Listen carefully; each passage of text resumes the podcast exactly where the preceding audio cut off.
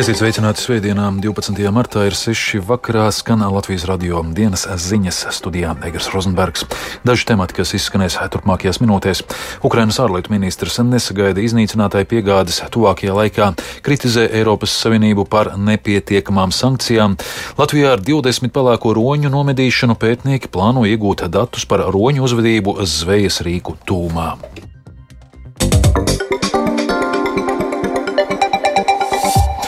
Ukrainai turpinot centienus nodrošināt ieroču piegādes no rietumiem, Ukrainas ārlietu ministrs Dmitro Kuleba izteicies, ka iznīcinātāju piegādes Ukrainai vismaz tuvākajā laikā nav gaidāmas. Tikmēr Ukrainas austrumos turpinās sīvas cīņas par Bahmutu, jo Ukraina, ko Ukraina joprojām notur, bet Moldovas policija paziņojusi, ka ir arestējusi Maskavas organizēta tīkla dalībniekus, kas ar demonstrāciju palīdzību centušies destabilizēt situāciju valstī. Plašāk stāsta Rihards Plūme. Intervijā laikrakstam Bildam Zontāg Ukrainas ārlietu ministrs Dmitro Kuleba atzina, ka nesagaida, ka reaktīvo iznīcinātāju piegādes Ukrainai varētu notikt tuvākajā laikā, jo tas ir ļoti sarežģīts uzdevums no loģistikas un tehniskā skatu punkta. Tieši tādēļ pilotu apmācību darbam ar rietumu lidmašīnām ministrija iesaka veikt jau tagad, lai brīdī, kad tās tiks piegādātas, netiktu zaudēts laiks, bet Ukrainai joprojām nepieciešamas arī pretgaisa aizsardzības sistēmas. Savukārt Šveic Šveices mediji raksta, ka Šveice nolēmusi iznīcināt tās rīcībā esošās pretgaisa raķetes. 20. gadsimta 80. gados Šveice iegādājās rapieru pretgaisa aizsardzības sistēmas no Lielbritānijas. Tagad tās rīcībā ir 60 šādas sistēmas, no kurām pirmā partija jau ir likvidēta, jo šīs raķetes jau ir vecas. Tomēr tās varētu būt noderīgas Ukrainas pretgaisa aizsardzības sistēmām. Šveicē joprojām valda nesaskaņas jautājumā par militārās palīdzības nodrošināšanu Ukrainai. Šveices tiesību akti paredz iespēju uz Ukrainu nosūtīt rapieru pretgaisa aizsardzības sistēmas, un, lai to izdarītu, pietiktu vien atdot šo ieroci izcelsmes valstī Lielbritānijai, taču tas netiek darīts. Tikmēr Donetskas apgabala Bahmutā joprojām turpinās sīvas cīņas par pilsētu, kur frontes līnija nu jau atrodas pa vidu pilsētai, un ienaidniekam izdevies ieņemt lielāko daļu pilsētas austrumu.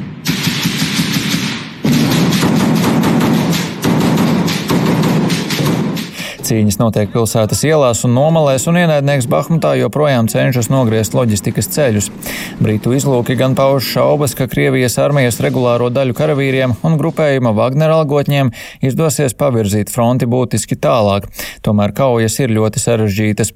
Ukrainas sauszemes spēka komandieris Aleksandrs Sirskis izteicies, ka varonīgie ukraiņu karavīri aizstāvot Bahmutu dara būtisku darbu, jo tā tiek iegūts laiks ofensīvas sagatavošanai. Daļa aizstāvja pārstāvji publicējuši video un rāda savu ikdienu pilsētā.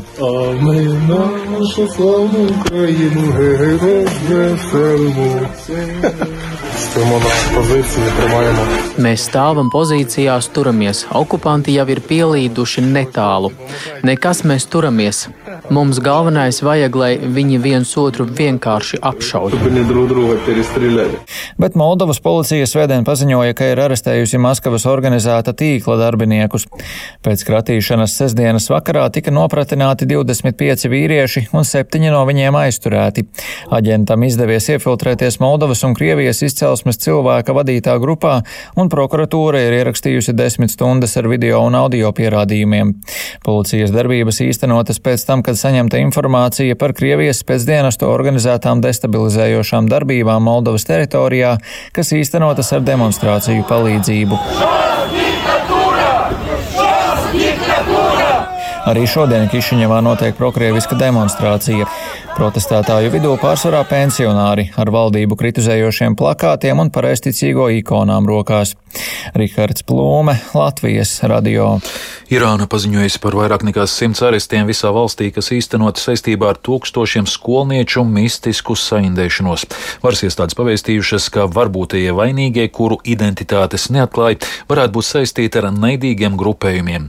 Irānas iekšlietu ministrijā norāda uz iespējamām saitēm ar Albānijā bāzētu Irānas opozīcijas grupējumu, ko Teherāna uzskata par teroristu organizāciju.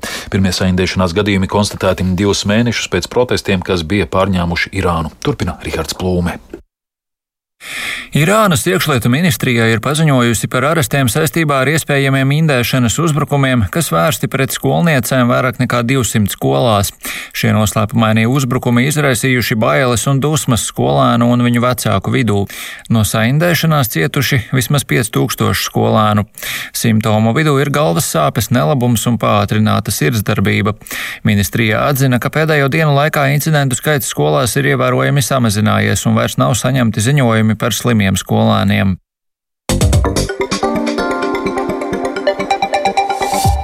Ar 20 pelēko roņu nomedīšanu pētnieki plāno iegūt datus par roņu uzvedību zvejas rīku tūmā. Līdz ar pelēko roņu skaita pieaugumu palielinājies arī roņu radīto postījumu apjoms zvejas rīkiem un zvejnieku lomiem gan Baltijas jūrā kopumā, gan Latvijas piekrastes ūdeņos.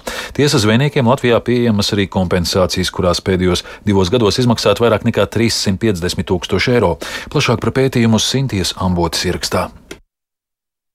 Lai samazinātu roņu radītos zaudējumus zvejas rīkiem un lomiem, Valsts zinātniskā institūta bioar pētnieki šogad veiks atbaidīšanas medības. Pētnieki norāda, ka līdz šim veiktie mēģinājumi atbaidīt roņus ar drošākiem murdiem vai skaņas signāliem nav bijuši veiksmīgi. Pavasarī kopumā plānots nomedīt 20 pelēkos roņus, stāsta bioar zīvju resursu pētnieks Ēriks Krūze. Līdz šim pētījumam pierādījuši, ka maza daļa no roņu populācijas, tādi pieaugušie dominējušie roņu grupās tēviņi, kas tā iemācās, ka pēc tā zvejas var dzīvot, viņš dzīvo pēc tā rīka, viņš arī neļauj tiem jaunajiem roņiem tur tik klāt. Tā pirmā hipotēze, kas notiek, ja mēs izņemam tos dominantos tēviņus ārā, vai tas atstāja kādu iespēju norsi, protams, nu, vai pārējie baidās arī. Viņi mācās viens no otra.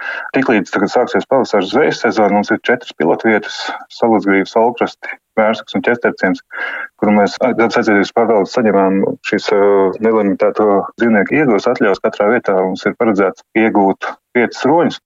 Baltijas jūrā kopumā ir ap 38 tūkstoši pelēko roņu. Pētnieks turpina, ka Rīgas līcī pelēkais ronis pamatā ierodas baroties, bet roņi netiek aizbiedēti ar medībām, kā tas savukārt ir Somijā, Igaunijā un Zviedrijā. Pirms diviem gadiem pieņemtajā sugas aizsardzības plānā roņu atbaidīšanu ar limitētām medībām apstiprināja arī dabas aizsardzības pārvalde, skaidro dabas aizsardzības departamenta direktora Gita Strode pelēkam ronim aizsardzības stāvoklis atbilstoši Eiropas ziņojumam par sugu biotopu stāvokli ir labvēlīgs, jo populācija pieaug un tas, kas ir paredzēts roņu apsaimniekošanas plānā, ir izmēģināt un notestēt, vai tam ir pirmkārt jēga vai tas, ka iegūst roņus tiešā zvejas rīku tūmā kaut kādā veidā ietekmē to, ka mazināts izvērstu zivju daudzums, cik tas vispār ir realistiski iespējams Latvijas apstākļos, jo nosacījums ir arī šos dzīvniekus izvest krastā, nevis vienkārši atstāt, lai pēc tam kaut kur izskalojās. Tā kā šis ir pilots izmēģinājums, vai kas tāds ir nākotnē turpināms vai nav. Kopš 2020. gada zvejniekiem gan pieejamas arī kompensācijas par roņu radītajiem postījumiem, zvejas rīkiem un nozvejas zaudējumiem. Atbalstu saņem ap 60 zvejnieku stāsta lauka atbalsta dienesta pārstāve Kristīna Ilgaža. Zvejniekam pašam nav jāveic ne pusapēsto zivju uzskaite vai e, saplēsto tīklu metru aprēķina vai kāda cita lieta. Tātad to tādu vidēju aprēķinu jau ir veicis šis te institūts Bior. Un kopumā par abiem gadiem esam izmaksājuši kompensācijā nedaudz vairāk kā 350 tūkstošus eiro. Pavisam drīz būs atkal attiecīgi šī atbalsta pasākuma kārta. Latvijas vidas aizsardzības fonda projektā roņu aizbiedēšanas un ieguvas efektivitātes novērtējums Latvijas piekrastē bija ar pirmos secinājumus par ietekmi uz zvejas sezonu varēšot izdarīt gada beigās. Sinti Ambote, Latvijas radio.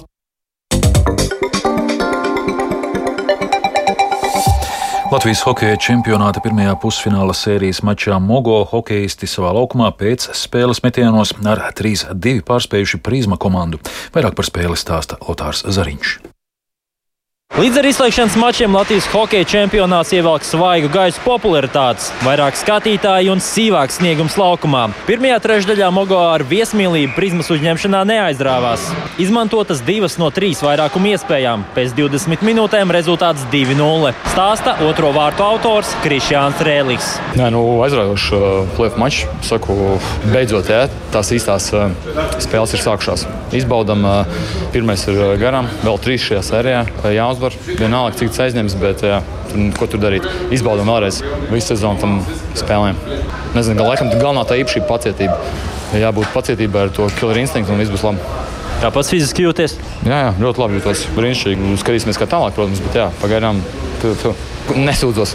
Otrās trešdaļas ievadā Mogo īsā laikā nopelnīja divus noraidījumus. Viesiem iespēja spēlēt lielajā vairākumā 5 pret 3. Pēc ilgas saspēles pa perimetru vārtus gūst Edijs Brahmanis. Viņam to iniciatīvu dabūja tur, kur mēs noraidījāmies. Jā, trīs noraidījumu periodā tas jau bija viņa iedod iniciatīvu pretiniekam, protams. Bet tā 5-5 es neteiktu, ka viņi tur baigi pārņēma. Jā, viņi tur mēs dabūjām tos noraidījumus trīs. Skaidrs, ka komanda dabūja uzreiz tādu bišķiņu virsroku. Nebija jā, tik daudz fiziskā tā spēles. Viņi tur meistarību rādīja, mēs tur kaut kur bišķi vairāk no aizsardzības, tāpēc varbūt tas netik dinamisks bija, jo mēs tur tā bišķiņu vairāk piesardzīgāki. Bet, nu jā, nu viņi jau mēs jau redzējām overtēmē, ne, ka viņi arī arī jau sāk piesardzīgi spēlēt. Nu, 20 minūtes nospēlēt 3-3 neiemes nevienam, tas ir kaut kur rādītājs. Viesi uzņēma apgriezienus un bija izsalkuši tik ļoti pēc vārtiem, ka tos guva mazākumā. Precīzi bija Elvis Kaimiņš. Pēc otrā perioda 2-2. Trešajā periodā turpinājās fiziskā spēle, kā arī noraidījumi. Vienā no mazākumiem prizmas spēlētāji nobloķēja vesels piecus metienus. Periods noslēdzās bez gūtiem vārtiem, sakoja papildu laiks trietā pret trījiem. Papildu laiks noslēdzās ar neizšķirtu rezultātu. Pēc sausās sagatavošanas uzvarētāju noteikšanai tiks izpildīti pēc spēles metienu sērijām. Pēcspēles metienos uzvaru izcīna Mogo hokeisti. Precīzi metienu padevās Mārtiņam Šulcam un Kārlim Ozoliņam. Otrā periodā sākām taisīt tādas eh, muļķīgas kļūdas, un eh, plēfā to nedrīkst spēlēt. Tas arī noved pie tā, ka eh, mazākumi un, un diemžēl, tie mazākumi neizturējām. Bet, kopumā ir kā ir, bet galvenais, ka mēs esam uzvarējuši. Tagad tur ģērbtuvē rītā risināsim, un tad jau nākamās spēles domāju, ka uh, jābūt uz kārtībā. Katrs solis, kā vienmēr, plēsoņā ir grūtāks. Un, uh, jā, šodien bija daudz uh, redzamāka plēsoņa spēle nekā pagājušā. Bet, nu, Mums nekāda attaisnojuma nav. Mums ir jāiet, jāuzvar un jāspēlē finālā un jācīnās par kausu. Nākamo spēli abas komandas Mogolēdus halē aizdīs otrdien, 19.15. Lotārs Zariņš, Latvijas Rādio. Un vēl Latvijas mediju satura digitalizēšanā un jaunu iespēju veidošanā platformā Digitālā bibliotēka LV ieguldījis pusotru miljonu eiro no atvesļošanas fonda un valsts finansējuma. Latvijas Nacionālās bibliotēkas digitālās attīstības departamenta direktore Karina Banderi stāsta, ka līdz 2025. gada noslēgumam plānots padarīt pieejamāku tieši Latvijas reģionos tapušo saturu. Projektā digitalizēs daļu video, audio, kā arī foto materiālu. Tāpat mēs arī strādāsim ar to, lai šādu audiovizuālo saturu varētu viegli, ērti meklēt un atrast. Tātad veidosim arī specializētu runas korpusu un runas atpazīšanas risinājumus, lai katrs iedzīvotājs vai katrs pētnieks, kas meklē savām interesēm atbilstošas um, interesantas lietas, var jau uzreiz konkrētā vietā, šajā, piemēram, video materiālā atrast Mēs tad strādāsim intensīvi tuvākos divu ar pus gadus, bet šie digitalizētie materiāli noteikti jau ātrāk parādīsies pieejami. Izskan Latvijas radio dienas ziņas producents Viktors Pupiks, ierakstus montēja Uldis Grīnbergs, par labskaņu rūpējās Rita Karneča, studijā Eigars Rozenbergs vēlreiz īsumā par svarīgāko. Ukrainas ārlietu ministrs nesagaida iznīcinātāju piegādes, tuvākajā laikā kritizē Eiropas Savienību par nepietiekamām sankcijām. Latvijā ar 20 pelēko roņu nomedīšanu pētnieki plāno iegūt datus par roņu uzvedību zvejas rīku tūmā. Un vēl par laikapstākļiem. Yeah. Rīgā 0 grādu pūš lēns rietumu vējš, atmosfēras spiediens 754 mm, relatīvais gaisa mitrums 62%. Sinoptiķi prognozē, ka šonakt Latvijā gaidāms mainīgs mākoņu daudzums brīžiem galvenokārt centrālajos un austrumu rajonos sniks, atsevišķos posmos būs slideni ceļi, mērens ziemeļa rietumu rietumu, no, no nakts otrās puses jau dienvidē rietumu dienvidu vējš, gaisa temperatūra - 5, 9, piekrastē - 1, 5 grādi. Rīt būs mākoņdienas laiks no rīta, vietām skaidrosies no dienas vidus nokrišņi, galvenokārt sniegs, slapjš sniegs, rietumos arī lietus.